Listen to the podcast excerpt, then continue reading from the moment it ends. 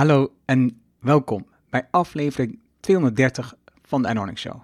Waar je leert van ondernemers en ondernemende mensen die bijzondere resultaten bereiken, hoe ze hier gekomen zijn, wat ze doen, de strategie en hoe ze klanten krijgen.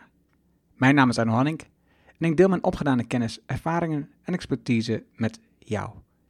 Ik coach ondernemers die kennis leveren aan bedrijven om beslissingen te nemen die in eigen belang zijn, zodat ze sneller bereiken wat ze willen terwijl ze meer vrijheid voor zichzelf creëren. Vandaag het gesprek met Ralf van Dam. Ralf wordt van jongs af aan gedreven door verandering en innovatie. Op 18-jarige leeftijd start hij zijn eerste internetbedrijf. Sindsdien was hij medeoprichter of oprichter van verschillende internet-startups en scale-ups gedurende verschillende fases in de ontwikkeling van het internet. Tegenwoordig combineert Ralf het ondernemerschap bewust met een functie in het corporate bedrijfsleven. In 2016 is hij Journey of Enterprise gestart voor persoonlijke ontwikkeling bij ondernemers. Tijdens Fuck Up Night in Zwolle maak ik kennis met het verhaal van Ralf. Daar krijg ik ook zijn boek Langs de Afgrond. Dat leest als een jongensdroom, maar dan de realiteit als ondernemer die hard werkt en toch failliet gaat. Het verhaal waarmee Ralf andere ondernemers de andere kant wil laten zien. In zijn werkkamer en huis spreek ik opnieuw met Ralf. Ik ben zeer benieuwd naar alle keuzes die Ralf heeft gemaakt bij het starten van de bedrijven en weer afscheid nemen. Het harde werken met duidelijke fysieke klachten, waarom hij een bedrijf start met zijn broer, zijn gevoelens over de curator en wat het faillissement met je doet. Het werd een interessant gesprek waarin je een aantal dingen hoort die niet in het boek staan. Veel plezier met de inzichten van Ralf. Laten we beginnen.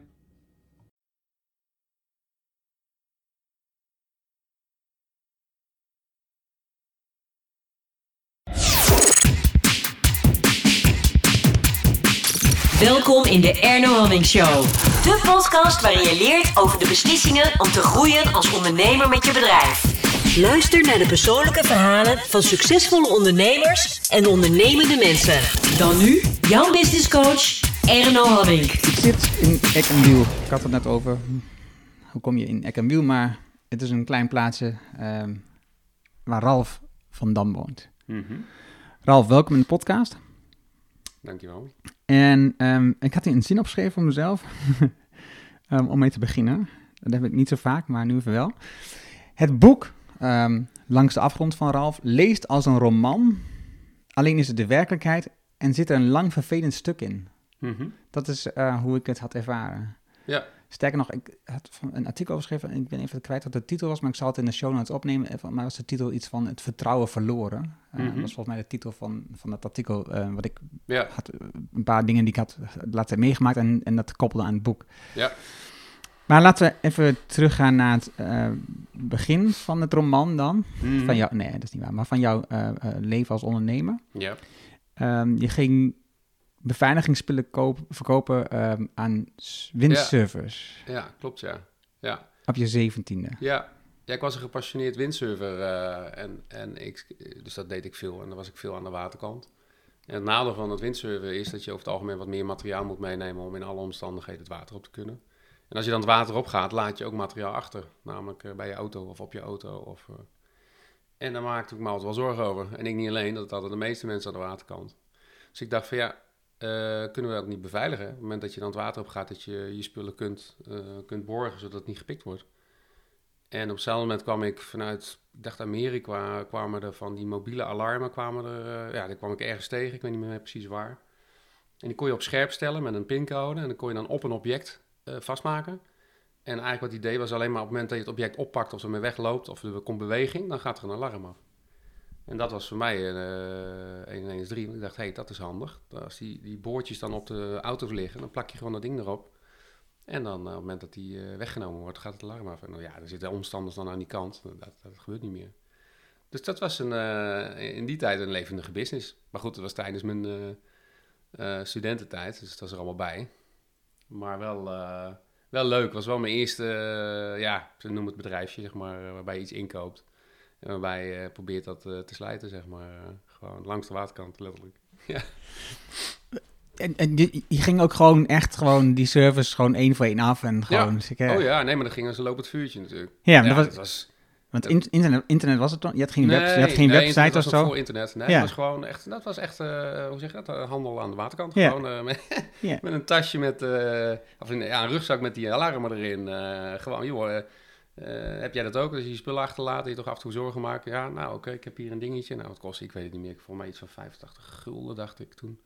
Van, eh, nou, wil je er eentje kopen? Oh ja, dat was allemaal zo ter plekke. eh, ja, dat ging heel makkelijk. ja. Hoeveel heb je er ongeveer verkocht, denk je? ja, een paar honderd. Ja, ja, ja. Ja. En wat is, uiteindelijk heb je, ben je gewoon mee gestopt met het bedrijf? Ja, ik heb, ik heb ook nog, want dat was dan zeg maar mobiele alarmen. Een andere systeem was, waren huisalarmen. Eh, en ik verhuisde toen net naar Amersfoort in een nieuwbouwwijk, Kattenbroek. En eh, ik weet nog heel goed dat ik tegen mijn vader zei, want daar woon ik toen mee samen, van uh, gaaf, kunnen we ons huis uh, beveiligen? En hij zei, nou, ik koop er wel eentje van je, dan kijken we of het werkt. En dat ging op luchtdruk. Ja, een bepaald systeem, maar als dan de luchtdruk verandert in het huis, dan gaat hij af, zeg maar. Dus als deuren open ergens gaan, dan reageert hij daarop. Ja, en toen dacht ik, dat werkte. Dat werkte best wel uh, goed. Toen ben ik eigenlijk die, uh, zo'n bewonersvereniging, ben ik uh, een presentatie gegeven. En uiteindelijk in, in Kattenbroek daar ook die alarmsystemen verkocht aan, aan nieuwe huiseigenaren. Dus ja, zo kwam die handel een beetje op gang. Maar ik heb het denk ik een jaar of twee, drie gedaan en toen, toen ben ik ermee gestopt. Ja. En, en dus, zeg maar, het, het verkoopstuk, dat zat je wel in... Ja. Dit zat er echt gewoon vanaf het begin ja. in? Ja. Dat zat er wel echt in. En Hoe kom je daar aan dan? Ja, ja dat ge uh, geen idee in die zin. Ja, het zit wel een beetje in mijn familie hoor. Het is aan mijn, aan mijn moeders zijde zat ondernemerschap wel. En uh, uh, haar vader is ook ondernemer geweest. dus mijn opa. en aan mijn vaders kant ook wel, zeg maar. in de zin van zijn, zijn, zijn zus ook een onderneming had. En, maar dat echte verkopen, ja, dat is toch een beetje de verbale kwaliteiten, zeg maar, voor een deel. Kunnen overtuigen. Vond het ook leuk, altijd wel. Dus ja, dat zat er eigenlijk wel altijd al uh, vrij vroeg in, ja. ja. Je besluit het om te stoppen. En, en, en dat betekent gewoon van een op de andere dag verkoop je het gewoon niet meer. Ja. Klaar. Ja, zo toen wel, ja. Ja. Ja. Het was niet zoiets van, ik ga dit aan iemand verkopen. Nee, helemaal nog niet. Nee, het was meer van, joh, leuk. Nee, het waren echt, was echt een handeltje, hè. Dus Ja. Gewoon een zakcentje erbij, zo moet je het meer zien. In die, ja, maar goed, het is, wel, het, ja. het is een bedrijf. Dus, ja, maar goed, toen, dat, dat zag ik toen zelf nog niet zo. Je kan verkopen allemaal Ik had wel een inschrijving al. facturen. Ja, heel vroeg. Ja, dat allemaal wel. Ja. En, eh, maar het was echt wel eh, op het niveau van... eh, oh, weet je wel, dan heb ik weer een paar honderd gulden toen de tijd verdiend. En oh, dan kan ik weer wat leuks doen. Dan kan ik weer een nieuw surfsetje kopen, weet je wel, zo. In die hoedanigheid meer. En mijn rijlessen heb ik bijvoorbeeld ook zo bij elkaar eh, verdiend. Dus dan deed ik iets voor die rijschoolhouder. Dus in dit geval eh, automatiseerde ik zijn, eh, zijn schema's, hoe die, eh, die rijschool kon, eh, kon eh, managen, want ik was nog wel handig met computers. En daar verdien ik dan mijn rijlessen mee. Dus dat was, dat was ook een soort ba barterdeals vaak, weet je wel.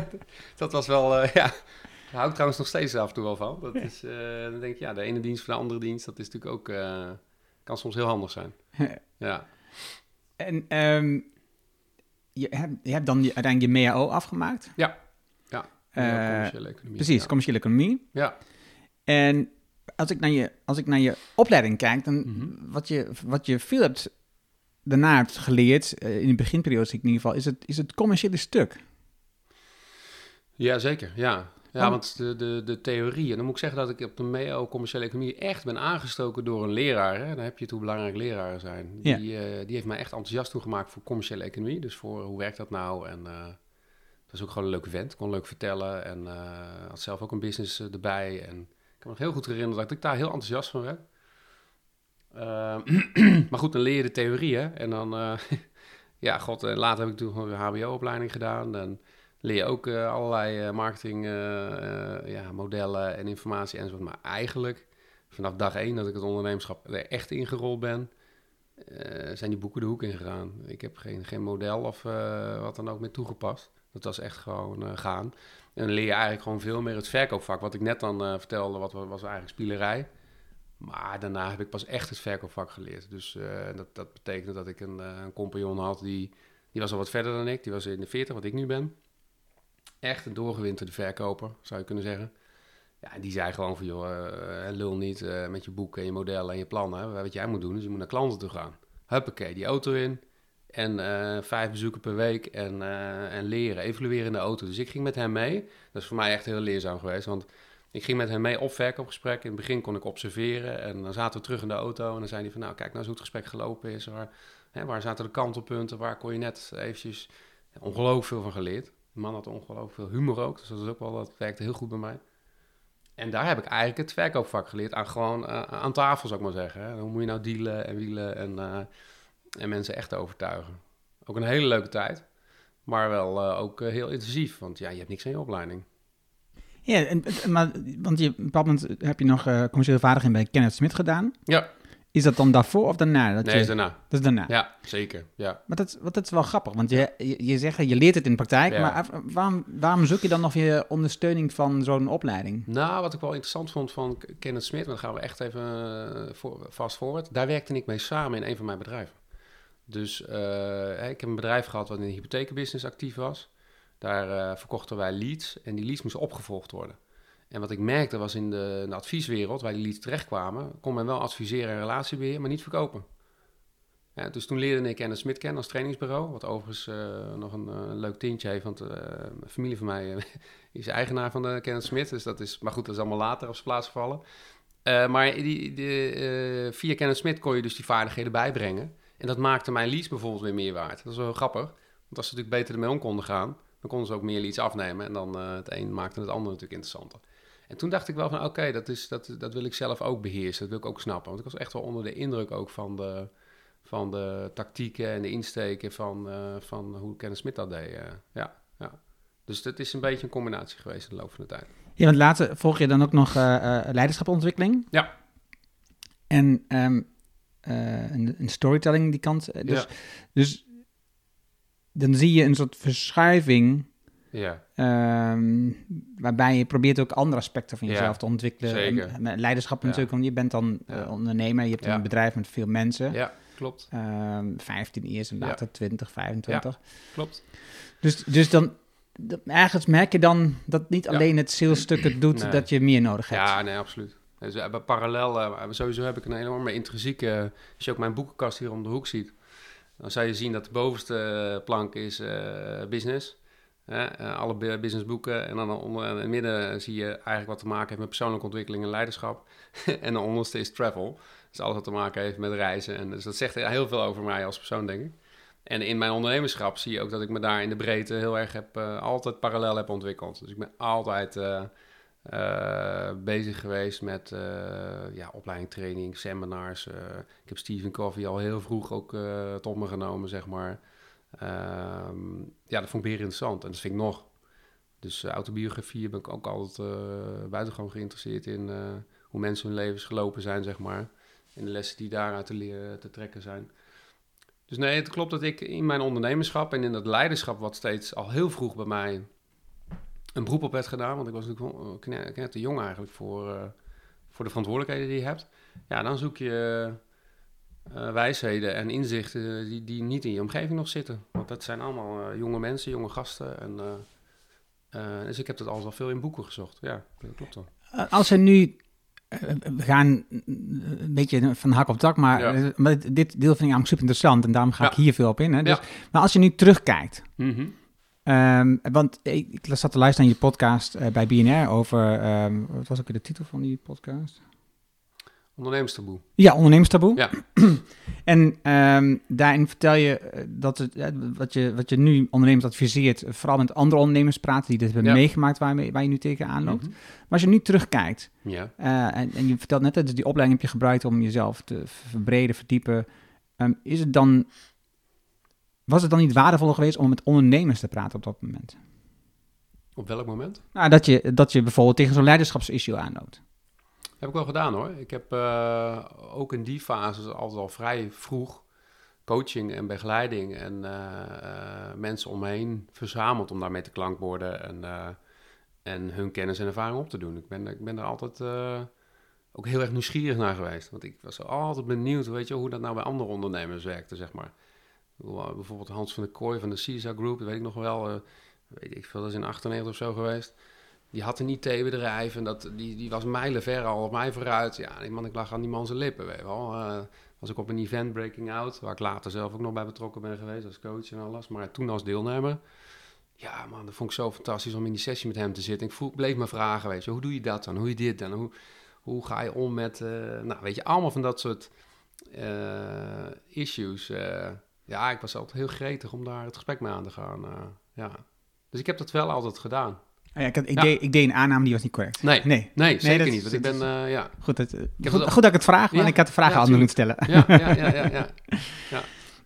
Ehm, je, je, je, je- je hebt, als je naar je bedrijven kijkt, zeg maar, en, en die ontwikkeling daarvan, het is een soort jongensdroom lijkt het wel. Weet je, wel? Je, je, je bouwt een bedrijf op, het wordt succesvol, je verkoopt het.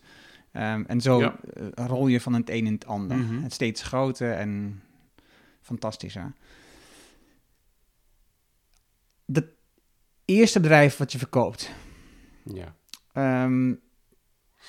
Je, er komen twee ondernemers mee aan de deur op dat moment. Hè, dus je Ja. bedrijf loopt goed, je hebt een, een goed idee en Ja. eh, de, eh, het web op met één flop. ja, En, ehm, en die mensen die zeggen, nou, die willen, dat willen we overnemen.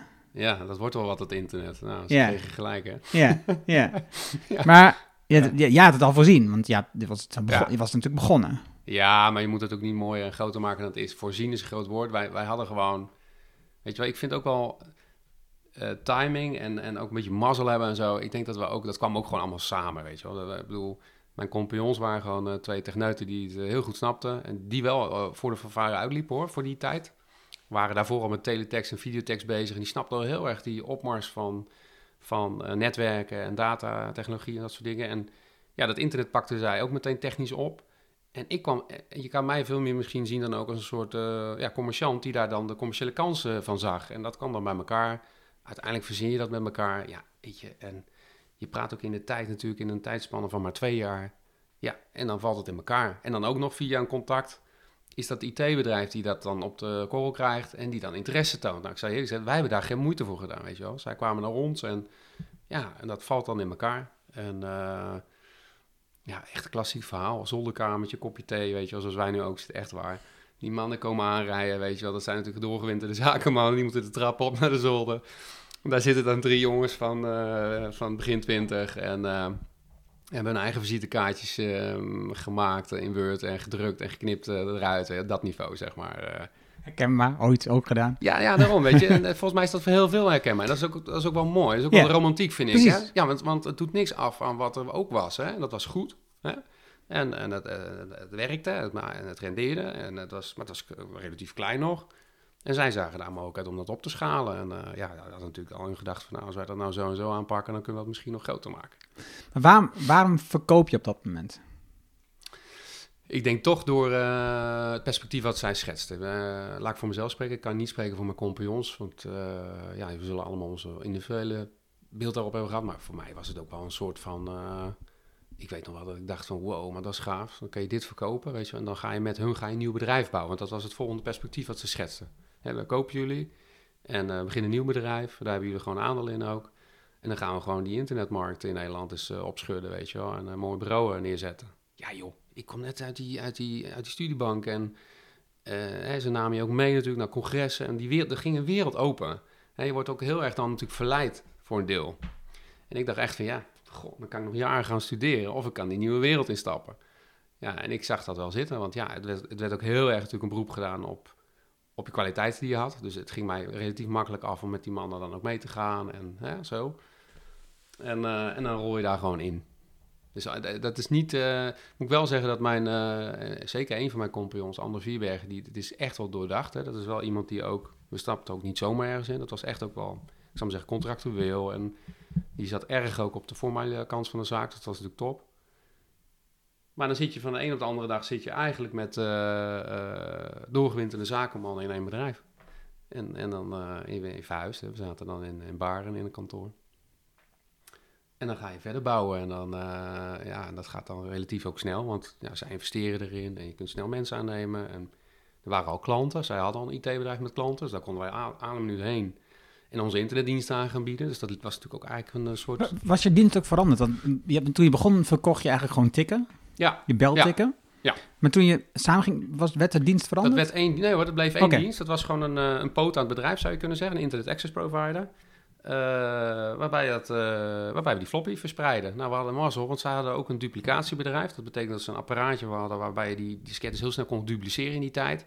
Dus wij hadden met een mum van tijd, hadden wij pakken van die floppies. Ja, zo, zo simpel was het.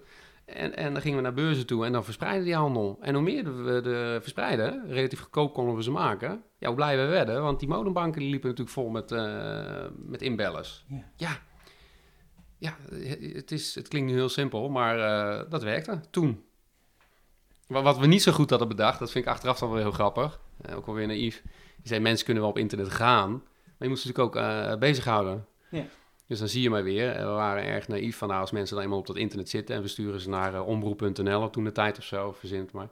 Dan eh, blijven ze wel online, zeg maar. Maar dat- we hadden ze natuurlijk veel meer moeten verleiden. Weet je wel, je had natuurlijk betere content moeten bieden. En nou, je natuurlijk langer eh, online gaat, had je meer verdiend. Ja, Dus die airtime- Facebook en zo. ja, ja, airtime maken. Ja, is- ja, dus, is, ja, dat weet je nu. Hè? En toen waren wij daar veel te weinig mee bezig. Waren we Ja, veel ik, denk dat, bezig. ik denk dat daar bijna niemand mee bezig was op dat nee, moment. nee, precies. Dat was ook... Nee, exact. Dat is ook weer waar, ja. Dus, dus dat, eh, ja, dat is wel grappig hoe dat dan... eh, hoe dat gelopen is. Maar je zit in relatief korte tijd... zit je in een, eh, ja, in een hele professionele omgeving in één keer. Ja. Waarom stap je dan uit? Als het zo goed gaat. Ja, je bedoelt toen we die Internet Access Provider verkochten. nou, dat was eigenlijk gewoon die opmaat naar een volgende fase. Naar echt ondernemerschap voor ons gevoel. Echt Nee, je, bent, je, bent dan, je bent dan samen met, dat, met die, Ja. met die Compians bedrijf begonnen. Ja. Maar na, uit mijn hoofd even Ja. twee jaar, st- Ja. stap jij uit. Ja, maar dat was echt wel ingegeven door een incident. Dat was echt, ja, als je het hebt over... eh, ehm, als ik nu daarop terugkijk, ik, ik, ik was gewoon... ehm, in het boek omschrijf ik dat ook. Hè, was er een, een, een situatie waarin eh, wij als jonge honden hadden, hadden een product ontwikkeld. Een, een, een, de mogelijkheid om je e-mail op je mobiele telefoon te ontvangen.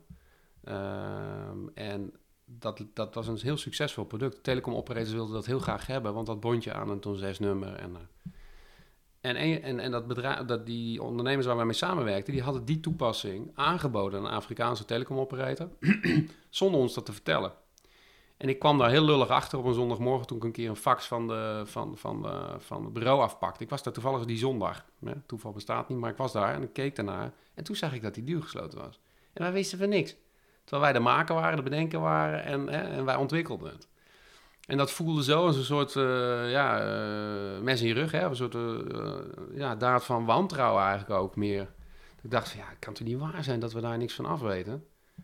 En toen heb ik, toen heb ik eigenlijk meteen, ik weet wel dat we daar ook echt wel serieus ja, kwaad om waren. En dat we meteen aan de bel hebben getrokken die maandag erop.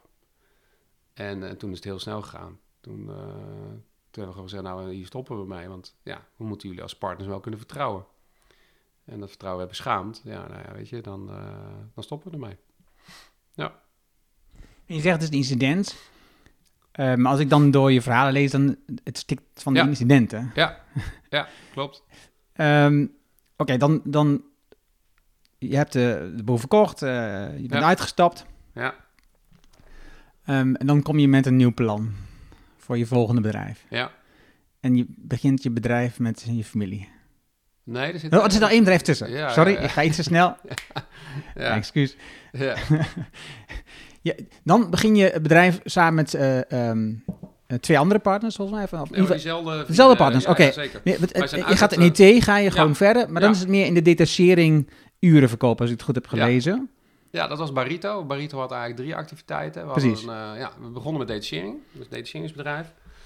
Van Barry en Andor Andor en Ralf. en Ralf, precies. Barito. Ja, en ehm, daarna gingen we eigen projecten ontwikkelen in huis. En, en, en, en aan het eind van, de, van het levensfase van dat bedrijf, althans toen wij eruit stapten, was het een bedrijf dat ook eigen producten ontwikkelde en, en vermarkte, zeg maar. Ja, dat was, dat was wat ik las in je boek, dat was wel Ja. waar je naar zocht. In het begin was het vooral uren verkopen en later Ja. zag je naar een project, producten om, ja, om het voor jezelf makkelijk te maken. En dat is wel een fase waar ik zie dat veel ondernemers mee worstelen. Dus ze, ze blijven heel lang uren verkopen, dat is wat ze gewend zijn. En eh, zeker als je een dienstverlening kijkt en het, en het, het is moeilijk om een product te maken. Hoe, Ja. hoe, hoe heb jij dat Ja. opgelost? Hoe heb je dat georganiseerd? Ik had het al een beetje geleerd van die uh, oud-compagnons wel. Hè. Ik zag dat die al heel snel zochten naar het model van licenties en, uh, en, en, en, en software uh, packages, zeg maar, en gebruiksovereenkomsten aangaan, intellectueel eigendom bijhouden. En dat verkopen, zeg maar, het gebruiksrecht verkopen, die les had ik daar wel geleerd. En dat paste ik eigenlijk toe bij, eh, bij Barito op die software die wij ontwikkelden. Dus we hadden toepassing, een toepassing in de evenementenmarkt bijvoorbeeld voor eventregistratie. Nou, dan bouwden we dat, maar dan, dan boden we dat niet alleen aan aan de RAI en de Jaarbus en aan nog andere eventorganisaties, maar dan licenseerden we dat gewoon. Dus een, beetje, een beetje SaaS al, zou je, zou je nu zeggen. As a service, zeg maar. Mhm. Eh, eh, hetzelfde voor die, eh, voor die e-mail, ehm, hoe heet het, die, die fax-to-e-mail oplossing. Hè? Toen de tijd heette dat ook ZOIP, eh, X over IP. Dus je kreeg je berichten in één inbox en die kon je dan eh, uitlezen. Hetzelfde verhaal, we bouwden dat voor een klant, maar we hadden zelf IE-recht. En via gebruiksrecht konden we dat eh, elders ook eh, eh, wegzetten. Dus ja, we werden daar wel steeds slimmer in en, en, en handiger in. Maar dat is wel iets, ik kom het ook veel tegen in mijn gesprekken met ondernemers, dat die slag maken van iets eenmalig maken, je ervoor laten betalen en that's it, naar van nee, maar wacht even, ik moet een model bedenken wat ik kan herhalen en waar ik eigenlijk zonder inspanningen extra kan verkopen, zonder dat ik daar extra kosten voor maak. Ja, dat, eh, dat, dat moet ik nog eh, bijna elke week eh, af en toe tegen iemand zeggen. Joh, wat ga je doen? Weet je wel? Ga je nou eindeloos je hele leven lang uren verkopen? Of ga je een model bedenken en, en, en, en licenseren, zeg maar, bijvoorbeeld? En wij hebben dat ook gewoon geleerd along the way, zou je kunnen zeggen. En ik kan me wel herinneren dat ik vond dat ook wel heel... die, die Unified Messaging Inbox bijvoorbeeld...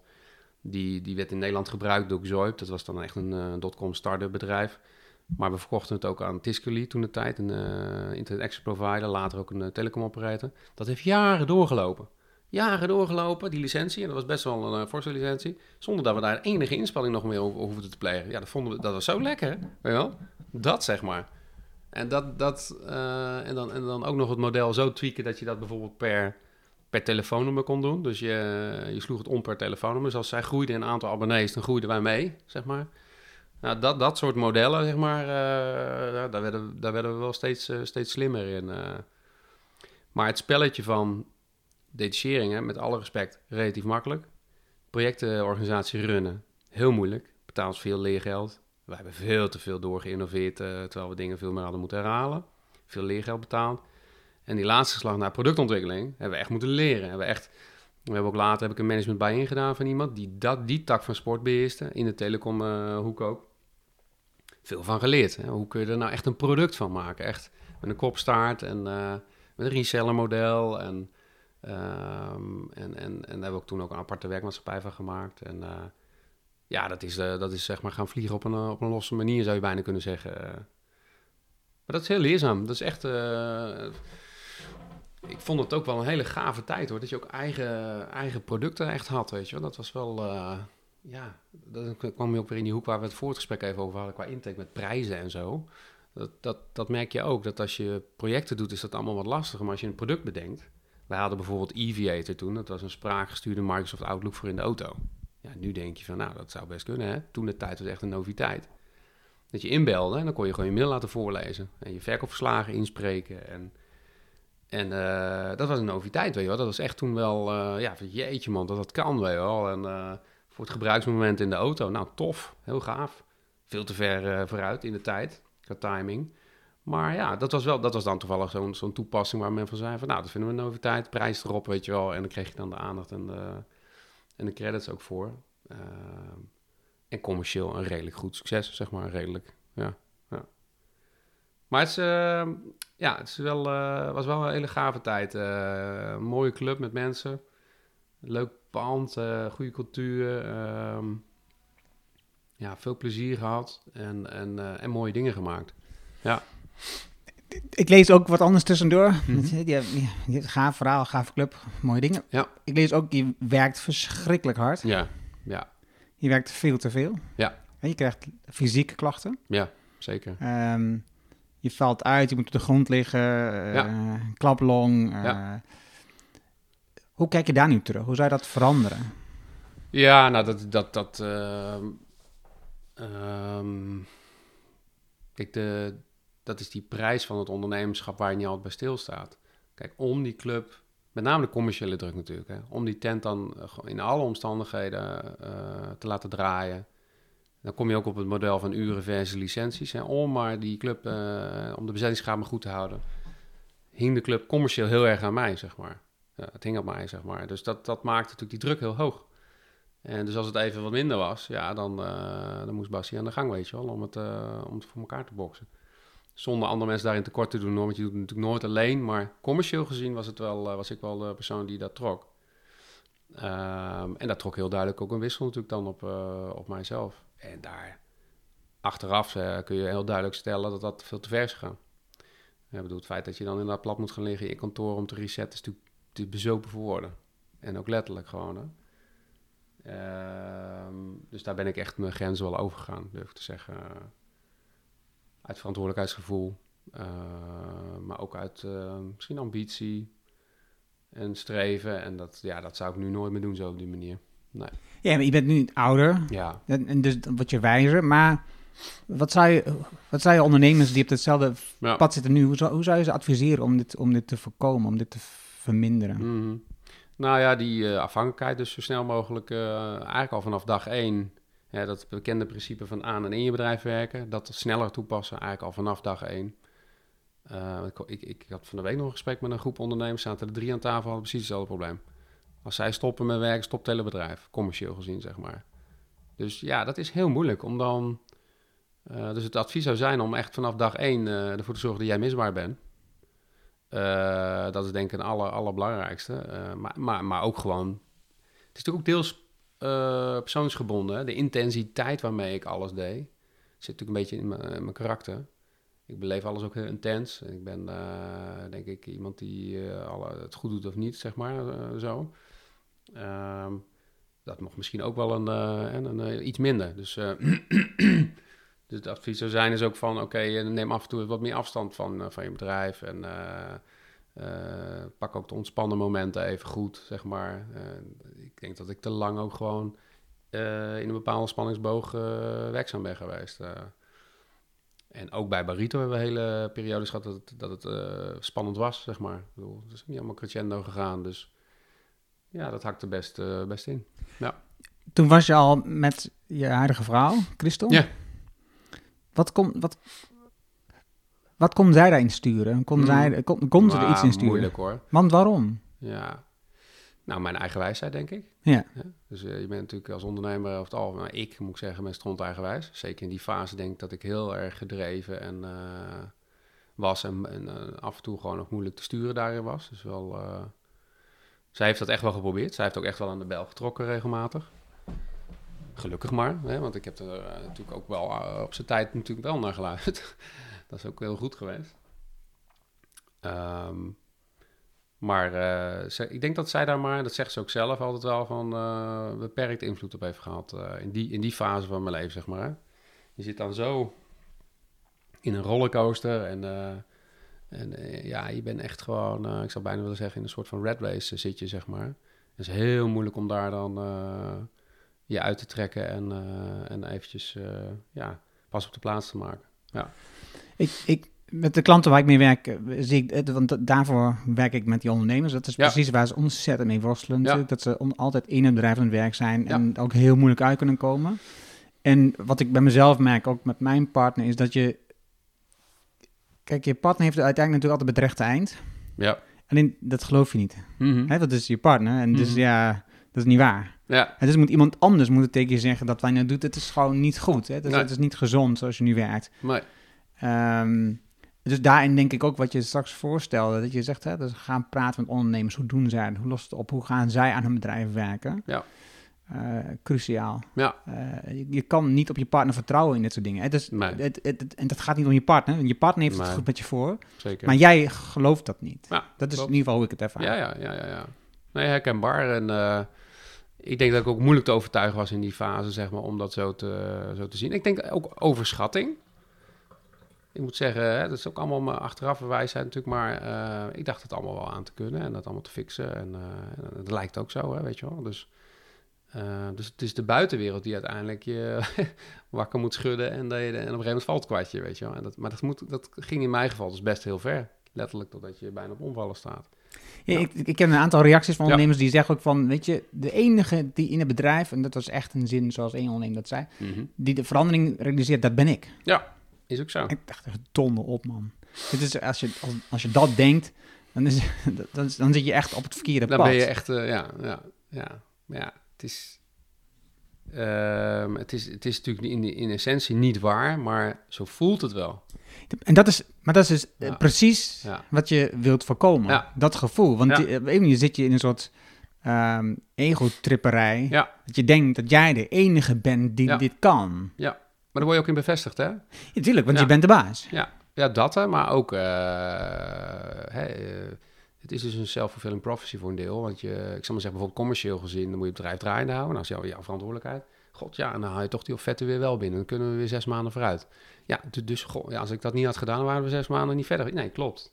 Ja, maar wacht even. Er zit nog iets voor. Nou, weet je, zo. En dat... dat eh, daarbij stilstaan en op ingrijpen... ehm, ja, dat is denk ik wel iets waar je echt eh, tijd en ruimte voor moet maken. En waar je ook hulp trouwens van buitenaf van nodig hebt. Ik denk ook dat het ongelooflijk moeilijk is om dat zelf te doorbreken. Ik zie het ik denk het iemand lukken. Dus, Ik denk het ook. Ik, ik, zit, Ja. ik, heb, ik heb net het boek uit en het boek dat heet eh, Good Habits, Bad Habits. Ja. Mhm. Eh, het, is, het is een super interessant boek als je wilt leren over waarom het je niet lukt om je eigen Ja. gewoontes te doorbreken. Ja. En dat hard werken, dat is een gewoonte. Ja, Dat is gewoon een gewoonte. Ja, je bent het. En, Ja. dat, en, dus, en dus je hebt ehm, cues, hè, dus eh, dingetjes die er doen, gebeuren, handelingen die er zijn in je omgeving, waardoor je wordt aangezet om weer harder te werken. Ja.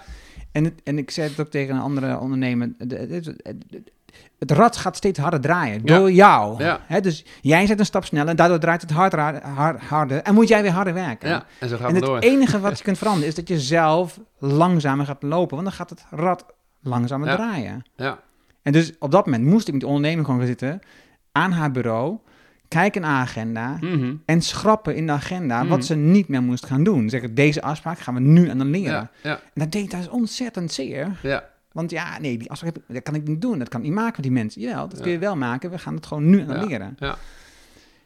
Wat je Ja, zegt, dat is heel met- moeilijk om alleen te Ja, doen. maar dat is natuurlijk een keuze tussen eh, voor jezelf kiezen of kiezen voor de verantwoordelijkheid die je voelt voor het bedrijf.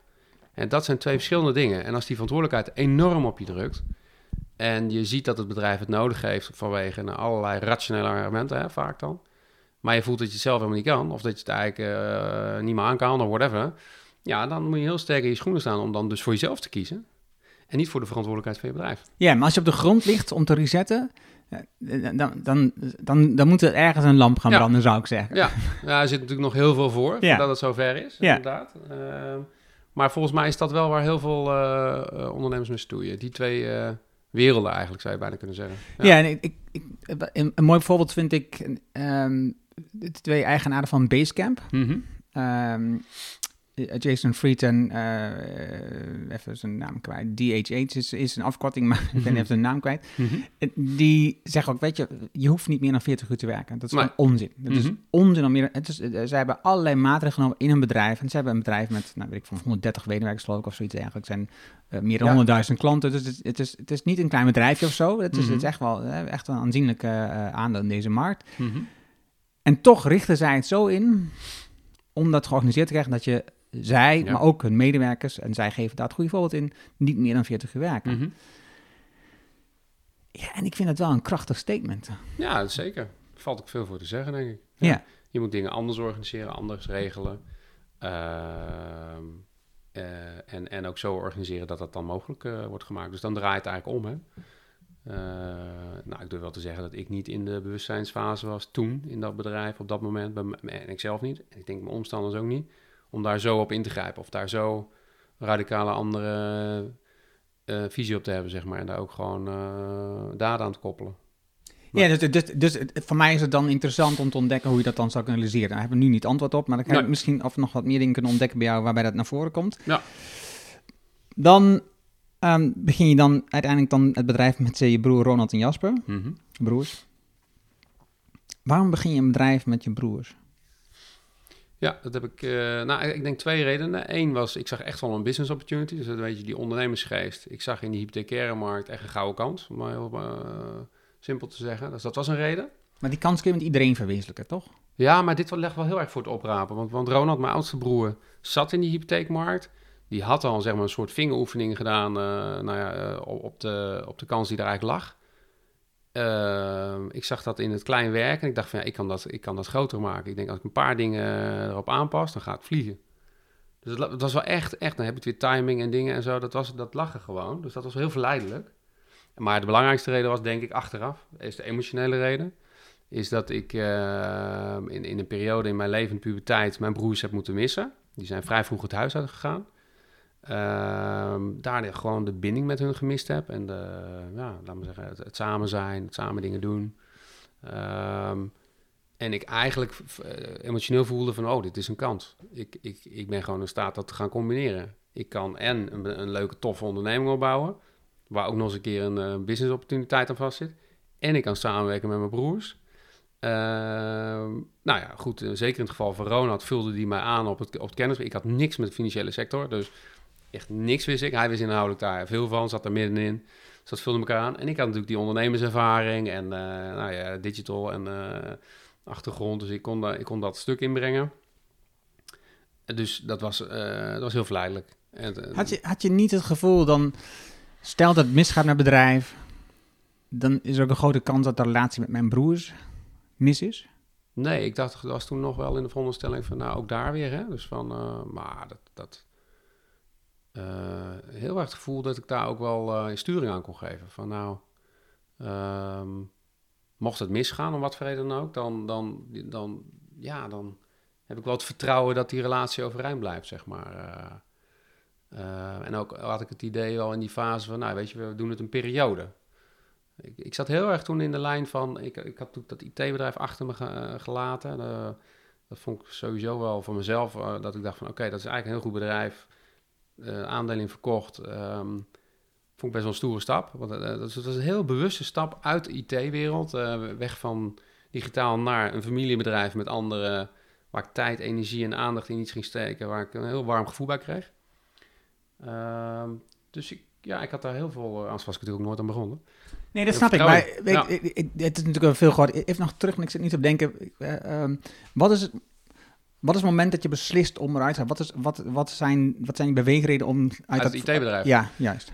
Nou, dat- ik was echt wel eh, een beetje klaar met IT gewoon. Dus met, eh, je werkt natuurlijk dan veel met programmeurs en met mensen die blauw zijn en technisch. En eh, het ging heel veel over technologie en over innovatie aan de technische kant, zeg maar. Terwijl ik toch meer de menskant me- een beetje miste. Ehm, ja, een betekenis en zingeving miste. Die begon daar ook al wel echt wel... en die zocht ik wel, heel erg. En die vond ik naast het bedrijf op allerlei manieren. Ehm, maar dat wilde ik graag ook met het ondernemerschap gaan combineren. En, en ehm, ja, toen stapte ik eruit. Toen ben ik ook wel een tijdje gestopt hoor. Ik ben ook echt, eh, ik heb me ook bezonnen op ondernemerschap wel in die periode. Logisch, want ik heb dat best wel, eh, nou ja, die signalen, fysieke signalen, daar had ik dus wel gehoor aan gegeven. Omdat ik er gewoon echt ook mee stopte en zei van oké. eh, ik stelde mezelf ook wel heel strikt. En dat is wel grappig wat je net zei over die werkweek en dingen. Dus ik had voor mezelf echt gezegd van nou, ik ga wel ondernemen, maar dan binnen deze en deze kaders. Dus niet meer dan 40 uur, maar ook eh, onze jongste kwam toen eh, om de hoek. En ik zei gewoon van, ik ben er gewoon op vrijdag, dus dan werk ik niet, weet je. Dus ik had echt helemaal afgekaderd ook van, oké, ik ga als ik ga ondernemen weer, het binnen deze en deze en deze kaders eh, doen. Dus dat was voor mij ook een soort, ja, volgende stap eigenlijk met al die ervaring meenemend natuurlijk. Eh. Ik moet ook zeggen, dat is eh, in die beginjaren ook heel goed gelukt. Eh, kan niet anders zeggen. Ik, fantastische tijd gehad, een heel mooi bedrijf gebouwd. eh, maar, maar ook gewoon echt genoten van, van, van, van het leven en van de vrijheden die dat eh, met zich meebracht. ja. Veel geïnvesteerd ook in, eh, in, ja, in, in je hobby's en in dingen die je gaaf vindt en leuk vindt. En, ehm, dat samenwerken met mijn broers in die fase vond ik ook heel waardevol. Eh, want we hebben een paar maanden later betrokken onze andere broer erbij, Jasper, zeg maar. Terwijl die, die, die kwam van een hele andere hoek. Die bracht pakketjes rond bij DHL. Wist eigenlijk niet zo goed wat hij in het leven wilde. En, en eh, hoe hij dat ja, kon mobiliseren. En wij zeiden gewoon van, nou, weet je, dit bedrijf loopt. eh, we groeien knijterhard. Kom erbij. Pak een onderdeel van het bedrijf en we gaan, we gaan het verder uitbouwen. Dat alleen al vond ik heel tof, dat dat kon. En dat we dat mogelijk konden maken. En ja, dat, dat, dat, dat vond ik echt eh, heel waardevol. Ja. Dus, dus die, die beginjaren zijn wel heel, eh, heel mooi geweest ook. Ja, dat vergeet je wel eens als je verderop. Maar eh Nou ja, het is echt heel bijzonder geweest. Ja. Ik, ik denk dat ik zat. ehm, eh, mijn moment, dat is een, een, een initiatief van Henk-Jan Winkeldermaat. Ja. eh, en waar hij. ehm, iedereen die hij uitnodigt kan en er zijn uiteindelijk worden 100 verhalen worden gedeeld, Mhm. kan zijn moment van het jaar inleveren. Maximaal 500 woorden en dan worden momenten gedeeld. Ja. Dus, ik, dus ik zat mijn moment te bedenken, wat is nou mijn moment van 2019? Het eigenlijk- Het was niet zo, was niet zo ingewikkeld, maar ik heb even mijn ehm, boekjes doorgelopen. Ik maak altijd notities en ik Ja. heb, elke week maak ik even een overzichtje van wat heb ik deze week, wat ging goed, wat kon beter en waar ben ik dankbaar voor. En ik heb Ja. even het hele jaar doorgelopen van waar was ik eigenlijk allemaal dankbaar Ja, voor. En dus jij zegt dat vergeten. Dus ik, om dat niet te vergeten, ehm, doe ik die notities, die oefening Ja. elke week. Omdat je het heel snel eh, dreigt te vergeten. Ja, ja, nee, maar ik ben dankbaar voor heel veel dingen hoor. Ja. Zeker. Ehm, en, en, en dankbaar en trots ook wel voor een deel dat we dat wel, we hebben toch maar geflikt, weet je, we hebben het wel gedaan. En, en eh, het was, want dat, ja, het is ook gedurfd, weet je wel. En ehm, ja, ik vind dat, ik vind dat, eh, ik kijk daar met eh, dankbaar op terug. En ook, ja, weet je, hele simpele momenten, eh, ja, dat zijn allemaal van, van die kleine anekdotes, maar weet je wel, als Ronald en ik even creativiteit nodig hadden of het even niet meer wisten, op het moment dat we weet ik veel, een besluit moesten nemen. Nou, dan gingen we even schommelen, weet je wel. Zoiets bizars. En dan zit je daar als twee broers, weet je, volwassen kerels inmiddels. eh loop je naar een schommel toe daar in de buurt. Ga je even schommelen. En als je klaar bent met schommelen, heb je het besluit genomen. En dan ga je er gewoon uitvoering aan geven. Ja, gouden momenten natuurlijk. Vind ik achteraf. Hè? Ehm, en hij denk ik ook. Ehm, dus dat is wel, eh, ja, dat is wel mooi. En als je ziet hoe Jasper zich toen in tijd ontwikkelde. eh, dan, dat ondernemerschap maakte het ook mogelijk dat hij een vlucht nam. En dat is wel, eh, wel heel, heel tof. Ja, Werd hij ook mede-ondernemer uiteindelijk? Zeg je? Werd hij ook mede-ondernemer? Nee, hij, was gewoon, hij was gewoon werknemer? Hij was werknemer. Ja, hij had wel eh, zeg maar de, hoe zeg je dat, de outlook om uiteindelijk ook in te kunnen stappen. Dat was ook van- vanuit ons wel een soort van, eh, weet je, uiteindelijk word je ook aangehouden, kun je inkopen, et cetera, et cetera. Daar is het uiteindelijk niet van gekomen, maar eh, dat was wel de ambitie. Misschien ja. goed ook, Wellicht, ja. gezien. Nou, nee hoor, want we hebben ook jarenlang van goede dividenden eh, gehad. Dus, Ja, dat is waar. Dat is waar. ook dat, als je Ja. het hebt over dingen niet vergeten. ja, laten we dat niet vergeten. laten we dat niet vergeten. ja. Oké, da- dan, dan, dan is er een nieuw incident. ja. Ehm, je, hebt een, je hebt een gouden contract met een energieleverancier op een van jullie bedrijven. Mhm. En ehm, er komt een nieuwe eh, directeur, CEO of iets dergelijks. En die besluit om dat contract te annuleren. Ja. Ehm, Het is een behoorlijke fast forward, hè? ja, dat Ja, weet ik. ja. Maar, maar ik zoek even momenten uit. Ja, is goed. Want als luisteraar, je moet gewoon een boek lezen. Dan, hoor je, dan, dan volg je de rest van het verhaal. En, en, en voor mij gaat er momenten uit wanneer maak je welke keuzes en wat gebeurt er dan met je. En dan, eh, om nog een stap sneller te maken, hè, Mhm. dan, dan komt er een curator in het spel en Mhm. ehm, wat op beslag gelegd op alle dingen. En eh, er ontbreekt gewoon een, een ellendige periode aan. Mhm. Ja. Het vraagt veel van jou, van je relatie, van Mhm. alles. Mhm. Ehm, wat, wat doet je uiteindelijk besluiten om te tekenen onder dat voorstel van de curator? Lijfsbouwd. Van jezelf. Ja. Absoluut. Ja. Ja hoor. Nee, ik denk als ik, als ik, eh, als ik terugga naar de situatie waarin ik op mijn diepste punt zit, dan, eh, dan, en dan moet je echt denken aan financieel, maar eh, ook psychisch en ook lichamelijk. Ja, je, bent je bent helemaal naar de kloten, om, om het heel plat te zeggen. En, en ook daar komen dan weer je verantwoordelijkheden om de kijken. Je hebt wel een gezin, je hebt wel een vrouw met kinderen, en, je hebt een toekomst die je graag veilig stelt. Ehm, maar je, ja, je hebt nul bewegingsruimte meer. Je staat met je rug tegen de muur. Je kunt helemaal niks meer. Het enige wat je eigenlijk moet opgeven is je waardigheid. Eh, eh, en eigenlijk je, dat, dat, wat er, dat wat als wisselgeld ingezet is. En dat is geld. In die end is dat geld. Bottom line. Dus alles wat ik had opgebouwd in die 20 jaar aan geld, gewoon eigenlijk. Want daar komt het dan op neer. Ehm, eh, inwisselen voor perspectief eh, naar voren toe. Eh, zodat je niet jarenlang bezig hoeft te zijn met negativiteit, rechtszaken. En dat je weer, ik zou bijna willen zeggen, vooruit kan verdedigen. Want op, op dat moment was ik maandenlang bezig met verdedigen. En eh, ehm, eh, terwijl ik heel erg goed ben in de opbouw en in kansen creëren. En minder goed ben in eindeloos verdedigen. Dus je zit helemaal niet in je kracht. Uh, dus je hebt, ja, je hebt gewoon... Ik heb geen keus gehad. Ik bedoel, uh, dat durf ik wel achteraf uh, te stellen. Ook daar kun je wat van leren trouwens. wat dan? Nou ja, een, een, van de dingen die, die, die ik daarvan geleerd heb... is bijvoorbeeld zorg dat je een oorlogskas achter de hand hebt. Het klinkt als... als Hoe maak je die? Nou, een oude sok. Gewoon cash in huis. Heel flauw, maar uh, ik heb meerdere ondernemers gehad. Achteraf, ja, je spreekt nu zoveel uh, mensen ook over dit soort incidenten. Die zeggen van ja, weet je, je moet, dit is dus echt wel iets wat je gewoon moet doen. Als je, als je dus weet dat je een bedrijf hebt met veel belang, grote, dan moet je jezelf ten alle tijden kunnen verdedigen. Wat er ook gebeurt. En wat er ook gebeurt is in mijn geval het scenario wat er bij mij zich helemaal ontvouwd heeft. En ik ben echt op een punt gekomen dat ik gewoon nergens meer over kon beschikken, weet je wel.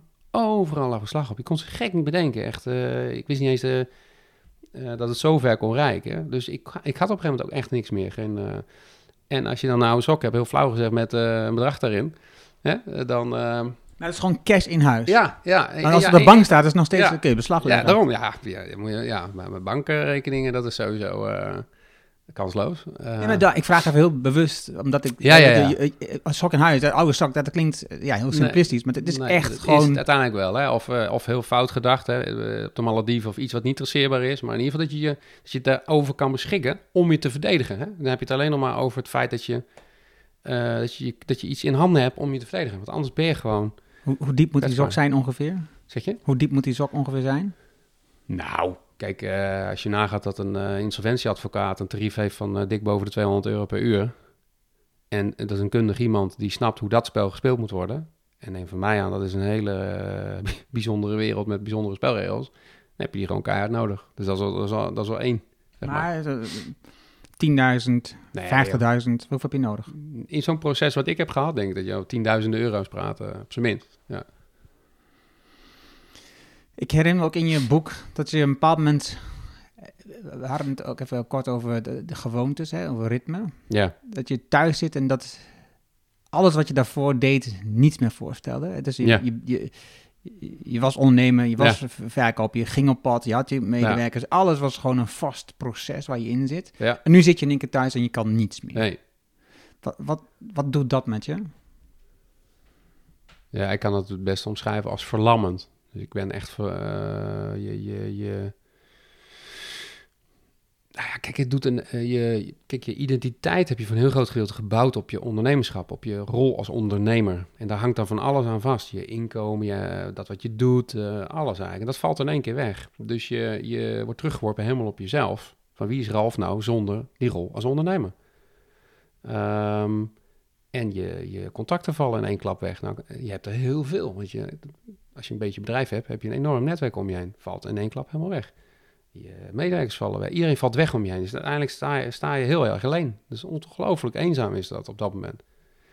Terwijl wel eigenlijk uh, het vuur op jou gericht wordt. Ja, dus, dus ik heb het zelf heel erg ervaren als van... Uh, ja, je wordt toch redelijk uh, afgepeld. Hè? Dus nederigheid. Hè? Er wordt een enorm beroep gedaan op... je moet wel echt een knieval moeten maken. Je ego kun je maar beter afleggen, want dat is kansloos. Je moet met je billen bloot. Hè? Je zit bij die curatoren en bij die advocaten. Je moet gewoon je hele hebben en houden op tafel leggen. En ook dat gaan ze nog van je afnemen als je het dan uh, prijs geeft. Dus um, ja, het is, het is, uh, het is, uh, het is rauw ook wel. Hè? Het is ook, dat, dat, is ook wel on, wetenschappelijk ja, omschreven als zijnde van het voelt als verlies. Het voelt als ehm, het verliezen van iets wat je dierbaar is. En, dat, dat, en dus ga je in een rouwfase. Ik denk ook echt achteraf, als ik dat zelf nu ook terugkijk, herken ik dat ook wel. Die fases waar je doorgaat, weet je wel. Um, en vergeet niet dat natuurlijk, kijk, je ondernemerschap, laat dat even beschouwen als je werk. Dat is een, dat is een pijler in je leven. Maar de andere pijlers, je gezondheid, staat ook onder druk. Je pijler in je uh, relatie staat ook onder druk. Ja, hoe kan het ook anders als je in, in zo zwaar weer uh, terechtkomt? Hè, dus, dus ja, alle fundamenten, normaal gesproken kan je er één wel hebben als de rest goed is. Maar ze allemaal onder je vandaan slaan, ja, dan wordt het wel heel erg, uh, heel erg moeilijk. Dus het is een, uh, ik, heb, ik heb ervaren een hele eenzame periode, uh, waarin je echt terug wordt geworpen op jezelf. Dus ik heb mezelf uh, opnieuw moeten uitvinden ook wel. Ja. Nu schrijf je in je boek ook, en ik hoor het ook in je podcast vertellen, dat het ehm, nee, het, het ging vooral over uit je boek, zit ik me te denken. Mhm. Dat, je, dat je ervoor moet zorgen dat je mm, jezelf ontwikkelt. Eh, dat je niet alleen bezig bent met je bedrijf. maar- En dat je ehm, een soort scenario's ontwikkelt voor jezelf. eh, waarbij je de negatieve momenten, ehm, zeg maar, voorziet. Ik, ik ben even de, de, de term kwijt die Ja, daarvoor manage gebruikt. je downside. eh. Juist, ja. dat, dat was wat ik zocht. Ik kon daar niet op komen. Manage Ja. downside. Ja. Ja. Wat kan je nu... eh, Je hebt dat, je hebt dat meegemaakt, die rouwfase, eh, het moment dat je wat terugloopt op jezelf. Wat kan je daar nu van leren als je nog lang niet zo ver bent? Maar Mm. ja, om, het, om, om, om dat maar nou, niet te voorkomen, maar om in ieder geval om te zorgen, als je erin valt, dat je niet het gat zo diep wordt. Nou, ik denk heel, heel pragmatisch. eh advocaat van de duivel uitnodigen. Omring je met iemand, een persoon of een, een, een expert of die kijkt naar de, naar de downside, de risicokant van jouw ondernemerschap. En dan niet alleen je onderneming, hè, want die neiging heeft de ondernemer dan weer... om te kijken van wat kan er misgaan in mijn bedrijf... maar ook naar, naar hoe het zich kan backfiren naar jou. Wat het met jou als persoon kan gaan doen als die uh, dominostenen gaan omvallen. En dan kom je allerlei, ik heb van de week ook weer aan de hand gehad. Ja, maar bestuurlijke aansprakelijkheid, dat is een uitzondering. Dan moet je wel heel gek hebben gedaan. Dat leer je dan in de boekjes, hè? bij de hogeschool en bij uh, allemaal. Ja, dat is dus niet zo. Hè? Uh, als een curator uh, bloed ruikt, dan is dat juist het eerste wat hij van stal haalt.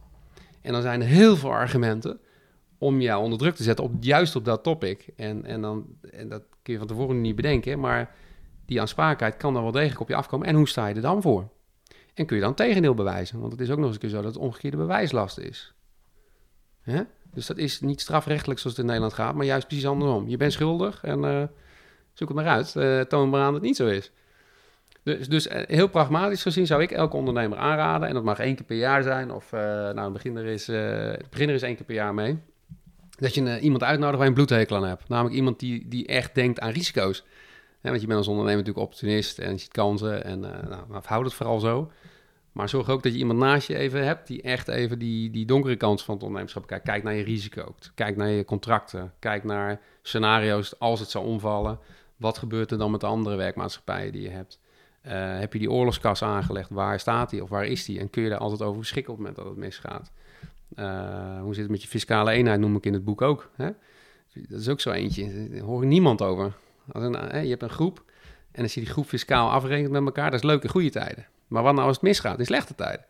Ja, dan komen ze de, verliezen ook elders verrekenen. Hè? Dus die kwam bij mij ook nog eens even een paar jaar later uh, om de hoek uh, kijken. Ja, dat zijn dingen, daar wil je als ondernemer niet mee bezig zijn elke dag. Moet je ook niet doen. Maar één keer in de zoveel tijd zou ik even heel erg veel aandacht daarvoor hebben. Want dat kan je dus gewoon of je kop kosten, of heel veel geld, of heel veel ellende. Ja, en dat is, dat is iets...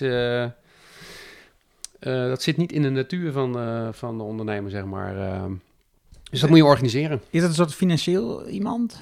Nou ja, je raakt heel veel. Hè. Als je naar risico kijkt, kijk je naar financiële risico, kijk je naar compliance risico's, wetgeving en dat soort zaken. Kijk je naar juridische risico's, kijk je naar fiscale aspecten. Uh, ja, dus, dus ik zou bijna willen zeggen, dat, dat is nogal een palet hoor, als je er goed naar kijkt. Ja. Um, het grappige is, dat is wel uh, leuk even, ik werk nu natuurlijk uh, voor een deel bij Achmea, dat is een verzekeringsbedrijf. Daar is natuurlijk het DNA-risicomanagement. en ik kom nu ook met methodes in aanraking, die zie ik, professionele methodes. Hoe men daar zeg maar risico managt en ook gewoon beheersbaar maakt of mitigeert of afdekt of weet je wel zo. Ik denk van wow, weet je wel, die, die grote concerns doen dat natuurlijk allemaal. Ja, maar die MKB hè, met uh, 15 man en 2 miljoen euro omzet en uh, een productielijn. Hoe, hoe kijkt die daar nou eigenlijk naar? Nou, 9 van de 10 kijkt daar helemaal niet naar. Terwijl je zou zeggen, je hebt het juist nodig. Ja. Want je bent super kwetsbaar. Ja. Je hebt een eigen vermogen van x, maar weet je, je kunt niet heel veel tegenslagen hebben. Dus, dus daar is nog heel veel te winnen. Ja. Nou, dat is in ieder geval al een hele mooie les die ik nu Ja. meeneem. Dat is alvast fijn. Het- er is nog eh, een, een ding wat me intrigeert in, in jouw verhaal. Ehm, eigenlijk twee dingen die ik nog eh, in ieder geval heb. Want in de andere podcast noem je het ook. Hè? Dus, dus een bepaald moment eh, te- zet je de handtekening met de curator. eh, en en, en Ja. dan heb je het gevoel, ik kan nu eigenlijk weer opnieuw beginnen. Maar Mhm. je hebt nog steeds een dikke schuld. Dus, Ja. dus eh, opnieuw beginnen, hoezo? Ja. Nog steeds Ja. moet je... Wat je zegt, vooruit verdedigen nu nog steeds is nog steeds niet van, ik kan nu eindelijk weer gewoon gaan opbouwen. Nee, nog steeds niet. Klopt. Het, dus, het was dus ook kiezen tussen twee slechte eigenlijk. Hè? De, e- de ene keuze was met die curator gevecht aangaan, wat ik niet kon door de middelen en, eh, en omstandigheden. Maar dan ben je jaren bezig en dan, eh, nou, ik ja, dat, dat was heel heftig geweest, denk ik. En de andere keuze was alles inleveren, schuld meenemen, want dat vergeten mensen wel eens. Alles loopt door. Hè? In die fase dat je bezittingen, hè, je te goede bevroren zijn, loopt alles door. Je kosten lopen door, dus, dat, dus je schulden lopen alleen maar op. Dus ook aan die kant zit een enorme druk. Oké, dan heb je die afhandeling, afwikkeling met die curator. En dan inderdaad, dan sta je daar met in ieder geval die curator van je af. Eh, en, je hebt dan een schuldsituatie. In mijn geval deels privé eh, en deels eh, zakelijk. En ik dacht alleen maar bij mezelf, oké, nou, mijn uitdaging is nu om die schulden weg te gaan werken, zakelijk en privé. En weer een nieuw perspectief te gaan creëren. Ehm, voor die uitdaging stond ik. En hoe gek het ook klinkt, toen ik die curator van mijn schouder af had, met alles erop, alle toeters en bellen, voelde dat toch als, ja, als een soort van opluchting. Van oké, eh, ik heb geen hyena's meer in mijn nek zitten. Ik kan nu gewoon mijn eigen spel weer gaan spelen, waar ik goed in ben. Wat ik denk heel goed kan. Wat ook gebleken is, want uiteindelijk is me dat gelukt. En dat is niet, eh, dat is niet makkelijk geweest, want ook dan moet je gewoon keuzes maken die af en toe heel erg tegen je gevoel ingaan. Maar die wel het beste zijn voor je, voor je toekomst. Noem eens zo'n keuze die tegen je gevoel niet ging. Nou ja, het in dienst gaan bij een organisatie. Ik- ja, dat is, kijk, dat is in mijn geval een hele rare. Want ik ben vanuit de studiebank nooit in dienst geweest. Ik heb nooit salarisovermaak gekregen van een ander. De eerste keer dat ik salarisovermaak kreeg, weet ik nog, ging ik naar Christel toe. En dan liet ik de bankafschrift toen fysiek nog even zien. Ik zei, nou kijk joh, ik krijg wel geld overmaak. dat is voor het eerst in mijn leven. van een ander. Eh, dat is, maar dat is natuurlijk ook een mentaal dingetje. Hè? Dat is natuurlijk ook, eh, als je het nou hebt over inzicht en andere... eh, ja, eh, of je nou in dienst bent of je bent zelfstandig ondernemer. In mijn hoofd zat natuurlijk van, daar gaf ik op af. Of dat vond ik maar niet nodig. En eh, ik had daar een bepaald beeld bij. En dat, moest ik, dat beeld moest ik dus loslaten. Ik moest open gaan staan voor een corporate. En voor daar je ding gaan doen. En een onderdeel daarvan zijn. En dat, dat, plaatje van ondernemer en dergelijke loslaten. Ja, mentaal een hele grote stap, kan ik je zeggen. Ehm, en ook daar ben ik dan wel eh, geholpen door mijn omgeving weer. Want bijvoorbeeld René Vrijters van Knap, eh, die sprak ik in die periode. Die zei, die zei Ralf, die interviewde ik toen voor mijn boek geloof ik al, was ik al mee bezig. En die zei, die zei tegen mij van, ja maar joh, ik, ik ben altijd in dienst geweest bij een corporate. Ik heb wel Alex opgezet en Knap, maar ik heb nooit, ik ben nooit aanlouder geweest, ik ben nooit financieel betrokken. Hij zegt, ik ben altijd daar in loondienst geweest. Dat? Toen- dacht ik echt van, oké, it doesn't matter, weet je wel. Je moet gewoon je ding doen en, en iets realiseren. En hoe je dat doet, is misschien eigenlijk veel minder relevant. Ja, dat waren wel, dat zijn wel. eh, ja, en- dus dat was er eentje, die stap naar eh, in dienst gaan en, en ondernemen. Dat combineren, wat ik dus nu op, de dag van vandaag doe.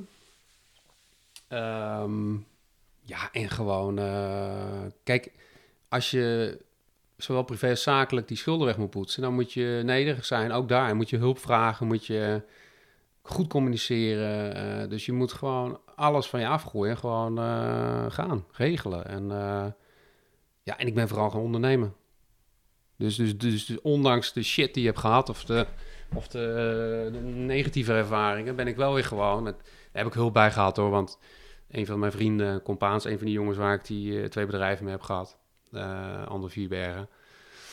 Goud, die heeft gewoon, weet je, in, juist in de periode dat ik helemaal en, in shit zat, is die hier, gewoon- hier letterlijk gekomen waar jij nu ook zit. En die heeft gewoon gezegd van, ja, ik ben er en we gaan, we gaan gewoon samen werken. En we kijken even waar het schip strandt, maar ik ben er en we gaan gewoon aan de slag.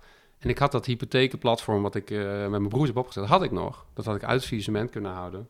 Wel stil moeten leggen en ook moeten, eh, mensen moeten ontslaan daar en helemaal moeten downdoen. Maar goed, het was er nog wel, qua assets. En dat heb ik wel opgepakt. Dat ben ik gaan exploiteren weer. Nou, toen had ik eh, timing, toen had ik, de, ik de markt weer mee. Want in 2014 ging die hypotheekmarkt natuurlijk weer omhoog. En ik had die, eh, dat hele platform met, eh, nou, wat was het, eh 300.000 consumenten erin en nieuwsbrief en alles. En dat, dat kon ik weer helemaal oppimpen met hulp van hem. Nou, ja, en dat heeft mij uiteindelijk weer gebracht waar ik, waar ik nu sta. Dat je dat, hebt, dat je het hebt kunnen, hoe zeg je dat, kunnen wegwerken, zeg maar, de ellende. Dus je hebt en privé alles kunnen oplossen, en zakelijk. schone lei en sterker nog, je hebt nog wat vermogen eraan overgehouden, zeg maar, waar je, waar je weer mee kan ondernemen. Dus, dus uiteindelijk heeft het ondernemerschap mij, en dat, dat, dat staat ook in mijn boek, hè, je, je ondernemerstalent gaat niet failliet. Hè? Dat, is, dat ben ik natuurlijk. Er zit, er zit iets in mij waardoor ik dat kan.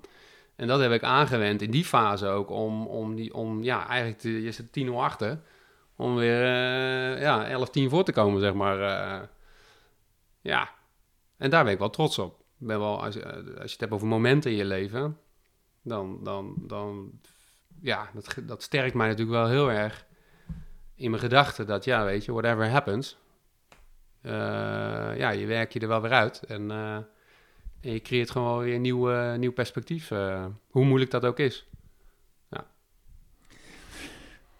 Er zijn dan nog twee elementen die dan voorkomen in jouw verhaal, maar ook in het tweede deel van je boek. Want dan heb ja. je verhalen verzameld van andere, meestal ondernemers. Um, een daarvan is die curator. Ja. Als je een beetje pech hebt, dan heb je gewoon ja, een, een misselijk mens. Ja. Die, die het je echt verschrikkelijk, verschrikkelijk moeilijk maakt. Ja. Um, en dat is niet wat je denkt, verwacht, hoopt. Je denkt niet dat mensen zo in en in slecht zijn, maar het is wel wat, wat het gevoel wat je hebt als je dat overkomt. Dus in ieder geval, dat, dat zie ik in jouw verhaal, dat zie ik ook in twee uh, andere verhalen terugkomen. Zeker Ja. één, de haat van één persoon naar die curator, die was enorm groot. Want in zijn inleiding van de stukjes Ja. schrijft hij gewoon... Hè, dus een- het moment dat hij op tweede kerstdag het bericht kreeg dat hij van de, van de flat was gesprongen... trokken wij een wijn op. Ik dacht, jee, nou dan is je haat echt heel Ja. diep. Ja.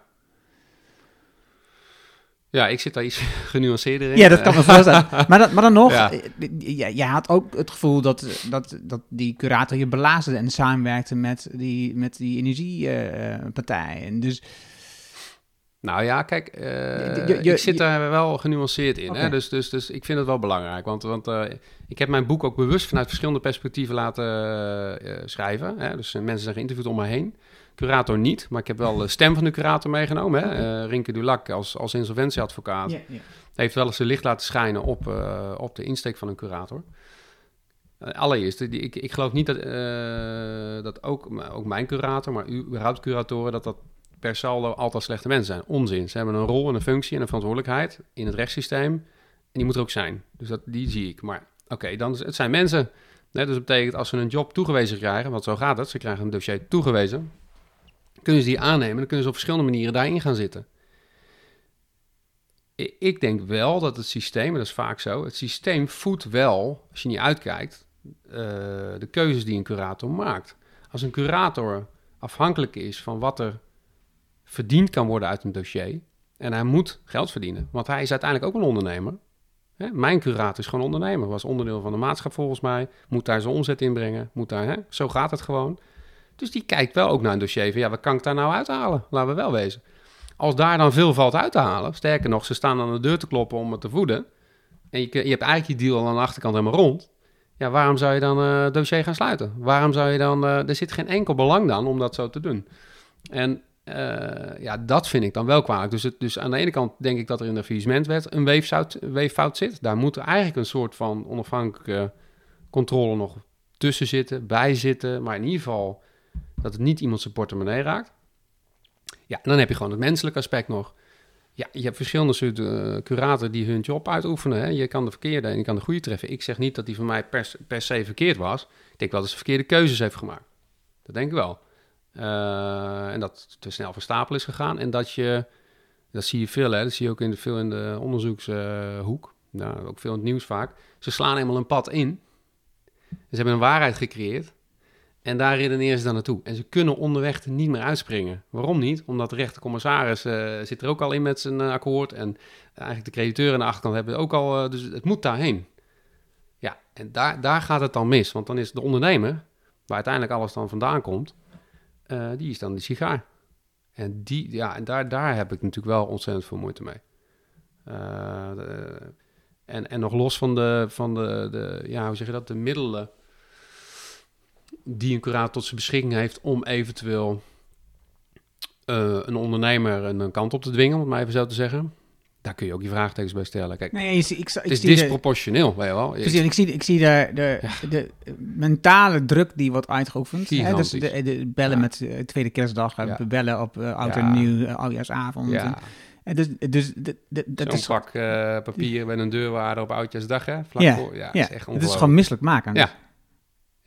Maar dat is, hè, en eh, want inmiddels heb je, kijk, je, in het begin sta je natuurlijk. Ik heb natuurlijk meerdere mensen nu inmiddels gesproken in die wereld, want dat, ik wil toch snappen, hè, ik wil begrijpen hoe dat werkt. Ja, en dan is natuurlijk toch, eh, als jij een ondernemer wil bewegen naar een bepaalde richting, moet je druk uitoefenen, anders beweegt hij niet, zeg maar zeggen. Helemaal iemand niet die in een kwetsbare positie is. Dus dan is toch de druk opvoeren, hè, dat het beste wat je kan doen, is dan toch privé druk opvoeren. En dat is natuurlijk ook zo, want daar is hij op zijn kwetsbaarst. Ja, en dan eh, hoe meer jij druk opvoert, hoe, eh, ja, hoe, hoe sneller die gaat bewegen. En ik zelf vond dat, kijk, dat zijn nou dingen die neem ik iemand wel kwalijk. Op het moment dat iemand dan zegt aan de telefoon van, eh, realiseer je wel wat er met je kan gebeuren als je niet meewerkt. Dan zei ik, nou, ik realiseer me dat dus trouwens niet hè, op dat moment. Hè. Dus ik dacht van, waar heb je het over? Je, ik bedoel, je hebt geen idee hè, als ondernemer. Nee, maar eh, hè, desnoods ligt hij weer van je bed af. Hè. Of eh, komen we thuis hè, met de beslaglegging. Nou, weet je, en zo krijg je dat rieltje dan over je heen. Je denkt echt je in een andere wereld terecht bent. Je bij mij, weet je wel. Dan denk je, ik ben geen crimineel. Maar ja, dat zijn natuurlijk wel de middelen die ze hebben om uiteindelijk je te bewegen. Eh, waar je, waar, wat natuurlijk heel veel indruk op je maakt. En wat uiteindelijk je wel eh, ja, de- doet zwichten. Ja. Dan raak je gelijk het, het, het andere punt waar ik, eh, wat ik teruglas in, teruglas in de verhalen is ehm, de bescherming van je kinderen. ja, tuurlijk. En je zegt, tuurlijk, ik, ik ben daar zeer benieuwd naar, namelijk. Ik, aan de ene kant voel ik hem, aan de andere kant denk ik, het is ook een leerproces. Mhm. Ja, En ehm, eh, ik zie het in meer, het kwam zeker in twee verhalen nog naar voren, dat mensen eh, willen dat dan buiten hun kinderen, buiten hun gezin. Bij een was Ja. zelfs dat het buiten zijn partner hield hij dat. Mhm. Maar het zijn ook de mensen die ehm, je naaste zijn, die alles in principe van je willen meemaken, Mhm. die alles. Eh, het is ook apart om die kant niet te tonen, Nee. bijna. Mhm. Hoe zie je dat? Nou, laat ik vooropstellen dat mijn partner, Christel, die heeft natuurlijk eh, de volle wind uh, voor gehad. Ja, dat snap ik. Maar je kinderen? Mijn kinderen niet, maar die probeer. Kijk, je moet je voorstellen, die zijn nu 14 en 16, maar er waren toen, nou wat is het, acht jaar jonger. Ten eerste kunnen ze, hebben ze, op die leeftijd konden ze niet alles bewust meemaken, maar je wil ze natuurlijk wel zoveel mogelijk in ieder geval beschermen voor, ehm, voor datgene waar ze nog niet rijp voor zijn, zou ik bijna willen zeggen. Ehm, kijk, en ze hebben er wel, ze hebben natuurlijk indirect daar wel wat van meegekregen. Wij hebben onze levensstijl natuurlijk moeten aanpassen. We hebben eh, in moeten grijpen op een aantal situaties. We zullen ongetwijfeld gemerkt hebben dat de spanningen hoger opliepen. Van mij als persoon, maar ook in onze relatie, om maar wat te noemen. Dus we krijgen daar natuurlijk wel degelijk eh, indirect eh, wat van mee. Ehm, maar ik heb ze daar zoveel mogelijk voor willen beschermen. Ja, daar waar mogelijk. Wat, wat, wat geef je ze nu mee? Nou, mijn boek. ja, ik heb het ook opgedragen Ja. aan ze. hè. Dat is, Dus- is in ieder geval goedkoop. Dat- ja, nee, maar dat is natuurlijk eh, dat is maar eh, papier. Maar eh, nee, maar zonder gekheid. Ik denk dat eh, mijn persoonlijke lessen als persoon, zeg maar. eh, ik denk als ze iets ouder zijn, eh, nou, ik merk het nu al af en toe bij de oudste. ehm, ja, dat er toch vragen komen die, je- die, je- die je persoonlijk kan beantwoorden, waar ook zij heel veel aan hebben. Dus eh, ehm, nee, ik heb. eh, ik heb eh, ik Als dat- ondernemer willen worden, zou je dan dat toejuichen nog? ja, tuurlijk. Nee, zeker. Ja, nee, kijk, ondernemerschap eh, kent hele mooie facetten. Ik bedoel, het, het, het, het is de slijpsteen voor mijn persoonlijkheid geweest, hoe ik nu ben. Nou, ik vind me, dat is prima, denk ik. Maar, het is, maar het, is, het is, ik zal ze ook vertellen dat het niet alleen maar Hosanna is. Dat het ook andere kanten kent. Ehm, en dat je daar ook bewust van moet zijn. Dus de, laten we zeggen, de prijs die je betaalt voor het ondernemerschap along the way. Dat je elke keer wel moet toetsen van, is het dat ook nog waard? Ja, en, en dat is, dat is ik, ik snap eh, waar je vandaan komt, hoe je dat zegt. En tegelijkertijd kan ik me heel goed voorstellen, op dat moment als je als eh, kind, eh, stel je voor, je bent eh, 17, Ja. je denkt, oh, ik ga een bedrijf beginnen. En dan komt die vader van je en die zegt daar, luister even, Ja. er zijn ook een aantal andere kanten. Dan zegt dat, die, zegt, die kind zegt ook van, ja, eh, ik zie alleen maar kansen, ga, Ja. ga even lekker weg. Tuurlijk, ja. En dus, dat is natuurlijk überhaupt het hele ding van Dat ondernemerschap. ironie natuurlijk. Ja, ja, precies. zeker. Nee, Ja. Maar als je het mij had gezegd toen ik 19 was, toen ik... eh, maar ook later nog. Ja hoor, had ik, eh, had ik ook daar eh, naïver in gezeten. Ja. Sterker nog, ik denk dat mijn naïviteit nog gloreerde zelfs nog wel eh, toen ik het visement aanvroeg. Dus zelfs toen zat er nog een bepaalde naïviteit in. Ik sterker nog, ik was bijna opgelucht toen ik het visement aanvroeg. Dan denk, dan denk je een heel eind te zijn, weet je. wel. Dan denk je, oké, eh, wetgeving, regelgeving, dit ga ik wel netjes afwikkelen allemaal. Want ik had het ook allemaal netjes op orde. Nou, ik had er niet verder naast kunnen zetten. Dus ja. Ja. Ralf, ehm, ik wil graag afronden. Ja. Eh, niet omdat ik het niet interessant vind, want het is een super interessant verhaal. En, en ik- vind het gaaf om met je te praten, om eh, zeg maar te leren hoe je de, achterkant kunt dichten, eh kunt Ja. luisteren naar andere mensen. Je boek hierin is zeer waardevol. Mhm. Ehm, eh, wat ik in het begin zei, het, is, het leest als een roman, maar het is de werkelijkheid. En er, Ja. zit, en er zit een heel rauw stuk in. Mhm. Eh, en daarom is het des te belangrijker dat ik denk dat je als ondernemer dit boek moet lezen. Mhm. En dus heel waardevol is. Ehm, dus dank daarvoor. Ja. Dat je het hebt geschreven en dat je het deelt. Eh, waar kunnen mensen, als ze meer van je willen, jij hebt bijvoorbeeld nog steeds een bedrijf en je organiseert ondernemersreizen, ehm, waarmee je eh, een week ertussenuit gaat om te ontdekken, om die zelfkant te ontdekken, Ja. om de ondernemerskant te versterken. Mhm. Waar kunnen mensen jou het beste vinden? Ja, ralf.ondernemersreizen.nl, gewoon een mail zeg maar, of LinkedIn gewoon. eh, het boek Langs de Afgrond heeft een eigen website, daar kun je mijn contactgegevens vinden. Ehm, maar het klopt inderdaad, kijk, in mijn tijd aan de ondernemerskant vervul ik nu het meeste met lezingen geven en presentaties over het boek. Eh, en ik ga een paar keer per jaar eh, op ondernemersreis. Dat is eigenlijk intervisie voor ondernemers. Dus dan gaan we met een clubje ondernemers met elkaar eh, naar het buitenland. En dan hebben we een programma, ik ken mijn onderneming, nou het zegt het al. Jij als persoon, hoe sta je ten opzichte van je ondernemerschap? Daar hebben we een speciaal programma voor ontwikkeld. Dat doe ik samen met mijn compagnon Rogier de Moel. En Christel, mijn vrouw. Ehm, en en eh, ja, dat is heel waardevol dat is heel gaaf. Dat is ook heel mooi om te doen. Want dan krijg je eigenlijk de, de echte ondernemersverhalen wel, eh, wel boven tafel. En dan kun je heel veel leren van elkaar. En dat is Hoe vaak gaan jullie? een paar keer per jaar. Dus het ligt een beetje aan. eh, we gaan meestal naar La Palma, het eiland La Palma, een van de Canarische eilanden. En daar hebben we dan een finca. Een beetje Villa Velderhof voor ondernemers, zeg ik altijd. Voor de, voor de mensen die dat nog kennen. Maar zo voelt het wel. Dus met elkaar samen zijn, samen ja, in, inhoudelijk een programma draaien ook echt wel. Maar, maar ook, eh, weet je wel, we hebben mooie wandel, eh, wandelingen daar op het eiland. Eh, we gaan even varen, walvissen spotten. we gaan lekker eten, we gaan naar de markt, samen koken, weet je wel. Dus, dus, dus, dus echt business en pleasure gecombineerd. Maar ook om elkaar daar juist echt goed in te ontmoeten. En dat is gewoon ontzettend waardevol. En dan zie je ook dat mensen in een vijf dagen tijd echt wel weer spits krijgen van... hey, waar sta ik nu? Waar kom ik vandaan eigenlijk als, als persoon en als ondernemer? Waar sta ik nu en waar wil ik heen? En eh, gaan ze echt wel weer empowered eh dat vliegtuig in. Dat is wel gaaf. Ja. Eh, Ik heb nog één vraag, eh, Ja. dacht ik net. Ehm, een vraag die ik vaker stel. Eh, Is, stel, je hebt een billboard. Ja. Een virtueel billboard. En miljoenen mensen kunnen dat zien. Eh, en daar zou jij een boodschap mogen plaatsen die niet commercieel is. Wat zou erop staan? Wie jij bent als, on- als, als mens bepaalt wie je kan zijn als ondernemer. Ja, dat zou ik wel, eh, wel neerzetten. En, en, en de boodschap daarvan is dus van leer jezelf vooral goed kennen. Want het bepaalt ook heel erg wie je kan zijn als ondernemer. Ehm, en waar dus ook je kansen liggen, maar ook je beperkingen. Nou ja, dat, Super, dankjewel. alsjeblieft. Dat was het mooie gesprek met Ralf. Je vindt de namen en links die we noemden in het artikel dat bij deze uitzending hoort. Ga daarvoor naar ernohanning.nl slash show 230. Wil je vanzelf automatisch de volgende aflevering van deze podcast op jouw telefoon ontvangen? Dat gaat eenvoudig. Heb je een iPhone, dan zit daar standaard al de Apple Podcast app op.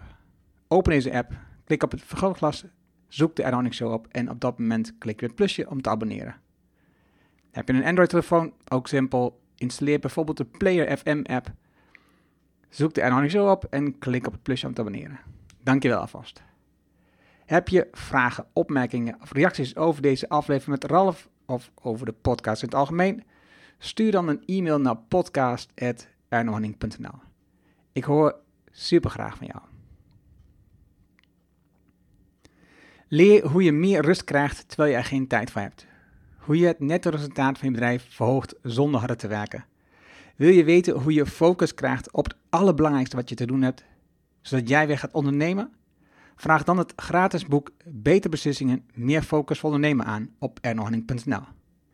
Dit is mijn nieuwste boek en je downloadt het helemaal gratis. Wil je de fysieke versie, de papieren versie, dan betaal je alleen de verzendkosten. Het boek is nog steeds gratis. Vraag jouw boek nu aan op ernohanning.nl en ik beloof je, je leest het in één avondtijd.